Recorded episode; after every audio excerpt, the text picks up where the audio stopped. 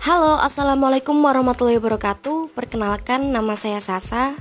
Kalau ditanya saya asli mana, saya agak bingung saya jawabnya. Sebab saya dilahirkan di Semarang, dibesarkan di Kalimantan Dan sekarang kuliahnya di Surabaya. Hmm, kira-kira saya asli mana ya? Oke, itu semua gak penting.